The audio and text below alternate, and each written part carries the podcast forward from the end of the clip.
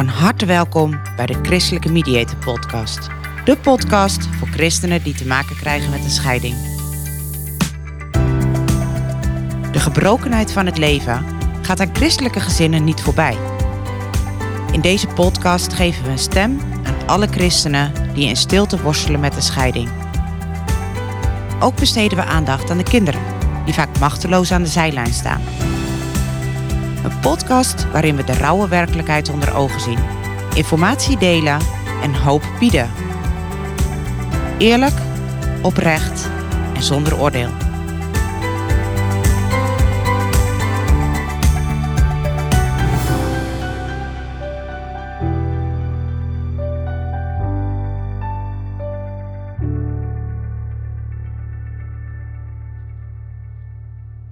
Welkom bij weer een nieuwe aflevering van de Christelijke Mediator Podcast. Het thema van deze podcast is: Het moet anders. Persoonlijk heb ik altijd een grote weerstand tegen het woord moet, maar dit keer maak ik echt een uitzondering. Een combinatie die zijn uitdagingen kent: christen zijn en scheiden. Het lijkt een onmogelijke combinatie. En we kunnen het ontkennen of bevestigen, maar de realiteit is dat de gebrokenheid van deze wereld aan christelijke gezinnen niet voorbij gaat. En dit kan maken dat men voor grote dilemma's komt te staan. Enerzijds uitdagingen voor kerkenraad en gemeenteleden. En anderzijds uitdagingen voor degenen die in scheiding liggen. En laten we het niet vergeten, ook voor hun kinderen. Van pastoraal medewerkers, kerkraden en predikanten krijgen we regelmatig de vraag: wat nu? Hoe kunnen we hier op een goede manier mee omgaan? Nou ben ik zelf in het verleden acht jaar lang pastoraal medewerker geweest. Dat was nog voordat ik zelf in een scheiding terecht kwam. En ik herken die moeite. Ja, de contradictie, het, het kan niet samen. De Bijbel is toch duidelijk. Hoe moeten we hiermee omgaan? En we horen van meneer horen we verhaal A, van mevrouw horen we verhaal B. Wat is de waarheid? Je bent als buitenstaander, als gemeentelid, als pastoraal werker, als predikant, je bent geschokt. En tegelijkertijd zie ik ook veel mensen die echt wel begaan zijn met het betreffende echtpaar. Maar er ontstaat een tweestrijd, een grote tweestrijd, met als gevolg dat men onthand is. Niet weet wat wijsheid is. De eerste worsteling die we dan vaak terug horen is van ja, maar we worden er pas bij betrokken op het moment als de kogel al door de kerk is. Als het schip al is gezonken. Simpelweg als het al te laat is. De echtgenoten die uit elkaar gaan erkennen vaak dat het, achteraf gezien, wellicht beter was geweest om eerder aan de bel te trekken. Dat deden ze niet uit een gevoel van schuld, schaamte de gedachte dat je de vuile was niet buiten hangt. En anderen geven aan van, joh, ik heb wel degelijk signalen afgegeven. Maar dan kreeg ik een reactie als, ja, ach, in elk huwelijk is er wel eens wat. God heeft ons niet beloofd dat alles makkelijk zou zijn. Bid ervoor, dan komt het goed. Huwelijksproblemen en scheiding, ze zijn altijd heftig en intens. De geloofsovertuiging die geeft er nog een extra dimensie aan. Dus ook voor niet-gelovige mensen is een scheiding een intense fase in hun leven. Hun leven staat op zijn kop en het leven van hun kinderen evenzo. Maar op het moment dat je christen bent, dan worstel je met nog zoveel extra lagen. Hoe moet je dit verantwoorden naar mensen om je heen? Maar bovenal, hoe krijg je dit recht ten opzichte van je geloof? En de neiging die we als buitenstaanders hebben, is om te wijzen op Bijbelteksten of om te wijzen op um, hoe God in het tien geboden uh, het heeft over het huwelijk. Of nou, ook niet alleen Bijbelteksten als van joh, um, wat God samenvoegt, scheiden de mens niet. Maar ook mooie Bijbelteksten over hoe het huwelijk bedoeld is. Maar die Bijbelteksten, dat is juist de mooie Bijbelteksten, die maken de eenzaamheid groter. En de Bijbelteksten waarin staat van wat God samenvoegt, scheiden de mens niet. Of noem maar op welke andere Bijbelteksten dan ook. Die kennen ze al van haver tot God. Daar hebben ze zelf al vreselijk vaak mee geworsteld. Daar hebben ze zelf, negen van de tien keer, al vaak genoeg voor op hun knieën gelegen, omdat ze geen idee hebben hoe aan de ene kant de woorden van God zich rijmen met de realiteit. Want geloof mij, het huwelijk kan als een gevangenis aanvoelen. Als een gevangenis waar mensen geen idee hebben welke kant ze uit moeten. Waarbij ze soms al jarenlang relatietherapie hebben gehad. Alles wat in hun vermogen ligt, hebben gedaan. En ja, ook eindeloos hebben gebeden. En wat kan het dan pijnlijk zijn op het moment dat er zoveel mensen om je heen staan met een wijzende vinger, die je wijzen op de Bijbelteksten, die jouzelf al zoveel verwarring hebben gegeven, die jou wijzen op het feit dat het niet kan, dat het niet mag, dat het huwelijk een verbond is. Noem allemaal maar op. Dat vergroot de eenzaamheid.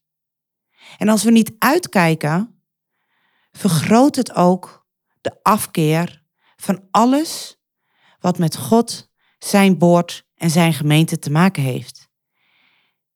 En ik weet het zeker, dat kan en mag nooit de bedoeling zijn. Het kan en mag nooit de bedoeling zijn dat wij mensen, dat wij andere christenen afwijzen, veroordelen, zonder er voor hun te zijn, naast hen te staan. Als we toch eens kijken naar wie Jezus omzag in de Bijbel. Zag hij om naar de Farizeeërs of zag hij juist om naar zij die niet leefden volgens het boekje? En ja, Jezus is duidelijk. God is duidelijk. God zijn woord is duidelijk. Maar er staat meer in diezelfde Bijbel. En laten wij als omstanders niet te snel en niet te makkelijk oordelen over een huwelijk waar wij geen onderdeel van uitmaakten. Ik zeg wij en met dat wij bedoel ik wij christenen. Het blijft zo pijnlijk als ik mensen hoor, zie, spreek aan tafel, die dan aangeven van joh, wat mij nou zoveel verdriet doet, is dat ik jarenlang zo actief geweest ben in de gemeente, jarenlang alles heb gegeven om van betekenis te zijn, ook binnen de kerk. En ik ervaar op dit moment alleen maar afwijzing. En dat terwijl ik mezelf al zo afwijs. Dat terwijl ik mezelf al niet recht in de spiegel aan kan kijken. En wat wordt het dan moeilijk op het moment dat de mensen die er wel voor je zijn, unaniem één ding gemeen hebben, namelijk het zijn geen christenen. Hoe erg dat de mensen die beschadigde christenen, die christenen in een scheiding opvangen, dat het unaniem de mensen zijn die geen christen zijn. Ik denk echt dat we daarin onszelf zo achter de oren mogen krabben. Dat we onszelf eens in de spiegel aan moeten eh, kijken. En dat we ons mogen afvragen, is dit dan werkelijk zoals God het bedoelt?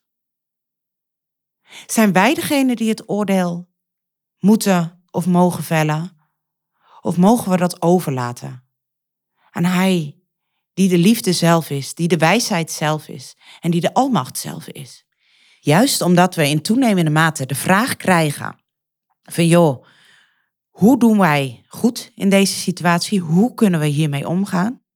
En ook omdat ik als geen ander begrijp hoe moeilijk het kan zijn om op een goede manier hiermee om te gaan, een aantal praktische tips en adviezen. Waarbij ik bij voorwaarts heel nadrukkelijk wil zeggen: Elke situatie is anders.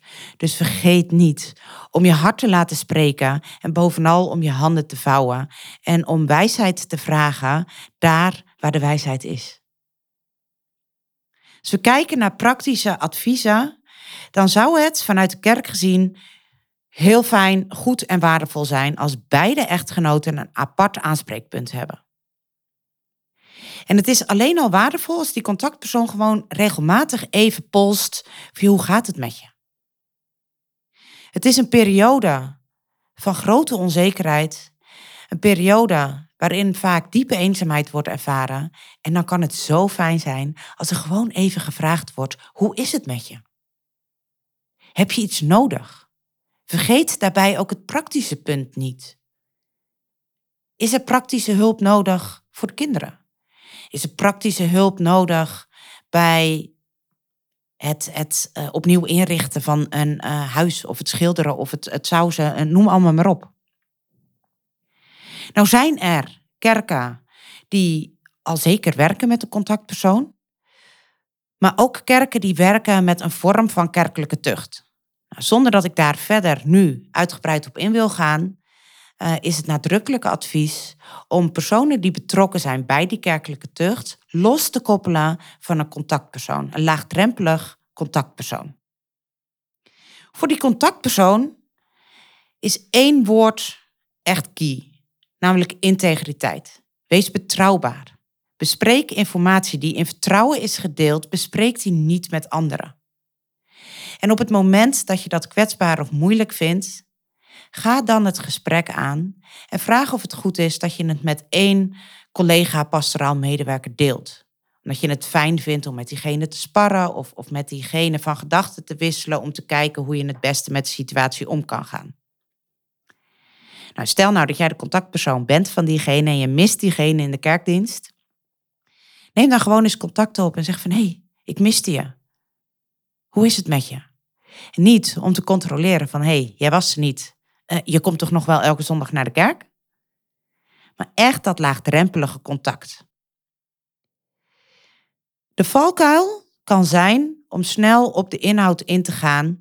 En als je er voor iemand wil zijn om mee te praten of mee te huilen um, en, en mee, ik noem het maar even uh, plat gezegd, mee te roddelen over de andere partner. Probeer daaruit te blijven. Het kan helpen om je daarbij steeds een soort van bewust te zijn dat er ook een andere kant van het verhaal is. Dus als je met diegene aan tafel bent, praat dan zo dat het ook daadwerkelijk helpend is en wellicht uh, in gedachten alsof de andere partner erbij aanwezig is. Dat helpt je om je er zelf voor te behoeden om over te gaan tot roddelen of tot iemand uh, onbewust dieper in de put te praten of dieper in de strijd die een scheiding kan zijn, zeker niet altijd hoeft. Maar het kan een strijd zijn, of er kan soms ook angst zijn dat het een strijd gaat worden. Dan helpt het niet als je als omstander heel erg in uh, uh, goed of fout en in voor of tegen praat. Maar vooral in het ondersteunende. En blijf bedenken dat deze situatie alleen maar verliezers kent. Er zijn geen winnaars. Binnen kerken wordt er ook al snel gedacht in daders en slachtoffers. De dader is degene die het besluit heeft genomen om weg te gaan. Het slachtoffer is de verlatene. Maar blijf je realiseren, jij bent er niet bij geweest en de kans is zeer groot dat op het moment dat je de wederhelft spreekt, dus de andere echtgenoot, dat er dan een hele andere versie van het verhaal komt. Voor ouders in scheiding komt het mega veel op ze af. Vaak zien ze door de boom het bos niet meer. En hoe graag ze ook willen, het lukt niet altijd om nog met een glasheldere bril of door een glasheldere visie te kijken naar wat hun kinderen nodig hebben. En help de ouders daarbij. Help ze erbij om het belang van hun kinderen niet uit het oog te verliezen. En een van de belangrijkste belangen daarin is, is dat een kind altijd zijn papa en zijn mama nodig heeft. Het komt er dus samengevat op neer, bied een oprecht luisterend oor. Probeer de situatie niet op te lossen. Realiseer je dat het probleem groter is dan dat. Het aanwezig zijn, zonder mening en zonder oordeel, is goud waard. En kijk ook goed van, joh, wanneer gaat dit alleen een luisterend oor te boven? Dus wanneer is er professionele hulp nodig? En schroom niet om daarnaar door te verwijzen. En als je zelf geen idee hebt waar je terecht kunt, neem dan gerust even contact met ons op. Um, wij kennen de mogelijkheden ruimschoots en we denken graag met je mee. Maar weet dat je als pastoraal medewerker, als predikant, als gemeentelid niet alles ehm, in je eentje hoeft te fixen. Er zijn niet voor niks vele christelijke professionals die hierin een waardevolle rol kunnen spelen. Een van de valkuilen die we nog wel eens voorbij zien komen, is dat het thema vergeving een grote rol speelt in de gesprekken die er binnen de kerk en tussen de kerk, en dan heb ik het even in de brede zin over de kerk, dus of het nou een predikant of een gemeentelid of een pastoraal medewerker is. Ehm, maar vergeving is al snel een thema wat aan de orde komt. En ik ben de laatste die zegt dat vergeving geen wezenlijk onderdeel kan spelen in het herstel. Alleen op dit moment is dat nog te vroeg. In de eerste fase rondom een scheiding is er nog geen ruimte voor vergeving. En als je het al, want soms zijn er natuurlijk ook mensen die veel langer met iemand optrekken, als vergeving al ter sprake komt, laat het dan niet alleen gaan over het vergeven van de ander, maar ook het vergeven van de eigen tekortkomingen. Het is vaak moeilijk om die bespreekbaar te maken, maar het kan wel helpen op het moment dat dat er ook kan en mag zijn. Ik kan het niet genoeg benadrukken. Verlies als gemeente, verlies als kerkelijk geheel de kinderen niet uit het oog. Hun wereld staat op zijn kop. Alles wat voorheen vertrouwd was, is ineens onzeker. Voor kinderen kan het van grote toegevoegde waarde zijn als er juist in die hectische periode ook voor hun een vertrouwenspersoon is. Een vertrouwenspersoon waarbij ze hun hart kunnen luchten en onbevangen mogen praten over wat zij denken, vinden en voelen, zonder dat ze daarbij rekening hoeven houden met hun loyaliteit aan papa of mama. Luisteren en er zijn. Dat zijn de sleutels, ook voor kinderen. Als gemeentelid, als pastoraal medewerker, als predikant, heb je ook gewoon je eigen gedachten en gevoelens en je eigen worstelingen met dit thema. dat kan best wel eens in de weg staan om er alleen maar te zijn en om alleen maar te luisteren. Om al dan niet samen met iemand te bidden en om een, schouder, om een arm om iemands schouder heen te slaan. Probeer met liefdevolle ogen naar beide echtgenoten te kijken. Ook als daar iemand is die het in eh, jouw beleving volledig verkeerd heeft gedaan. Ook als het gaat om iemand die uh, de kerk verlaat. Of um, die, die zich afzet tegen alles en iedereen. Iemand die vreemd is gegaan, noem maar op. Kijk met liefdevolle ogen naar beide partners. Zoals onze Heer met liefdevolle ogen naar ons kijkt. Kies geen partij. De waarheid bestaat in dit geval niet. Beide echtgenoten hebben hun eigen beleving en die beleving is voor hun de waarheid. In ieder geval op dit moment. Na verloop van tijd zal die waarheid zich ook steeds meer in de realiteit gaan verhouden en kunnen mensen alles wat helderder zien. Maar daar is tijd voor nodig. Tijd waarin de emoties een plek kunnen vinden. Het kan ook helpen om jezelf de vraag te stellen: wat zou Jezus zelf hebben gedaan in deze situatie? Hoe zou hij reageren op deze gebrokenheid? Als we daarna gaan kijken, kan het niet anders dan dat er een mildheid en een verzachting naar boven komt. Kijk eens, lees eens in de Bijbel hoe God omgaat met de overspelige vrouw. Kijk eens hoe Jezus omgaat met mensen die ogenschijnlijk zulke grote steken laten vallen. En niet alleen ogenschijnlijk, mensen die steken laten vallen. Staat Jezus daar klaar met zijn wijzende vinger? Of is er op zijn minst meer dan dat? En ja, eigenlijk hoop ik dat ik het niet hoef te zeggen. Maar het laatste advies wat ik graag mee wil geven is: Draag de situatie en deze leidende gemeenteleden en hun kinderen op in je gebed. In de wetenschap dat we een God hebben die hen kent en ziet. Een God die als geen ander weet wat wijsheid is.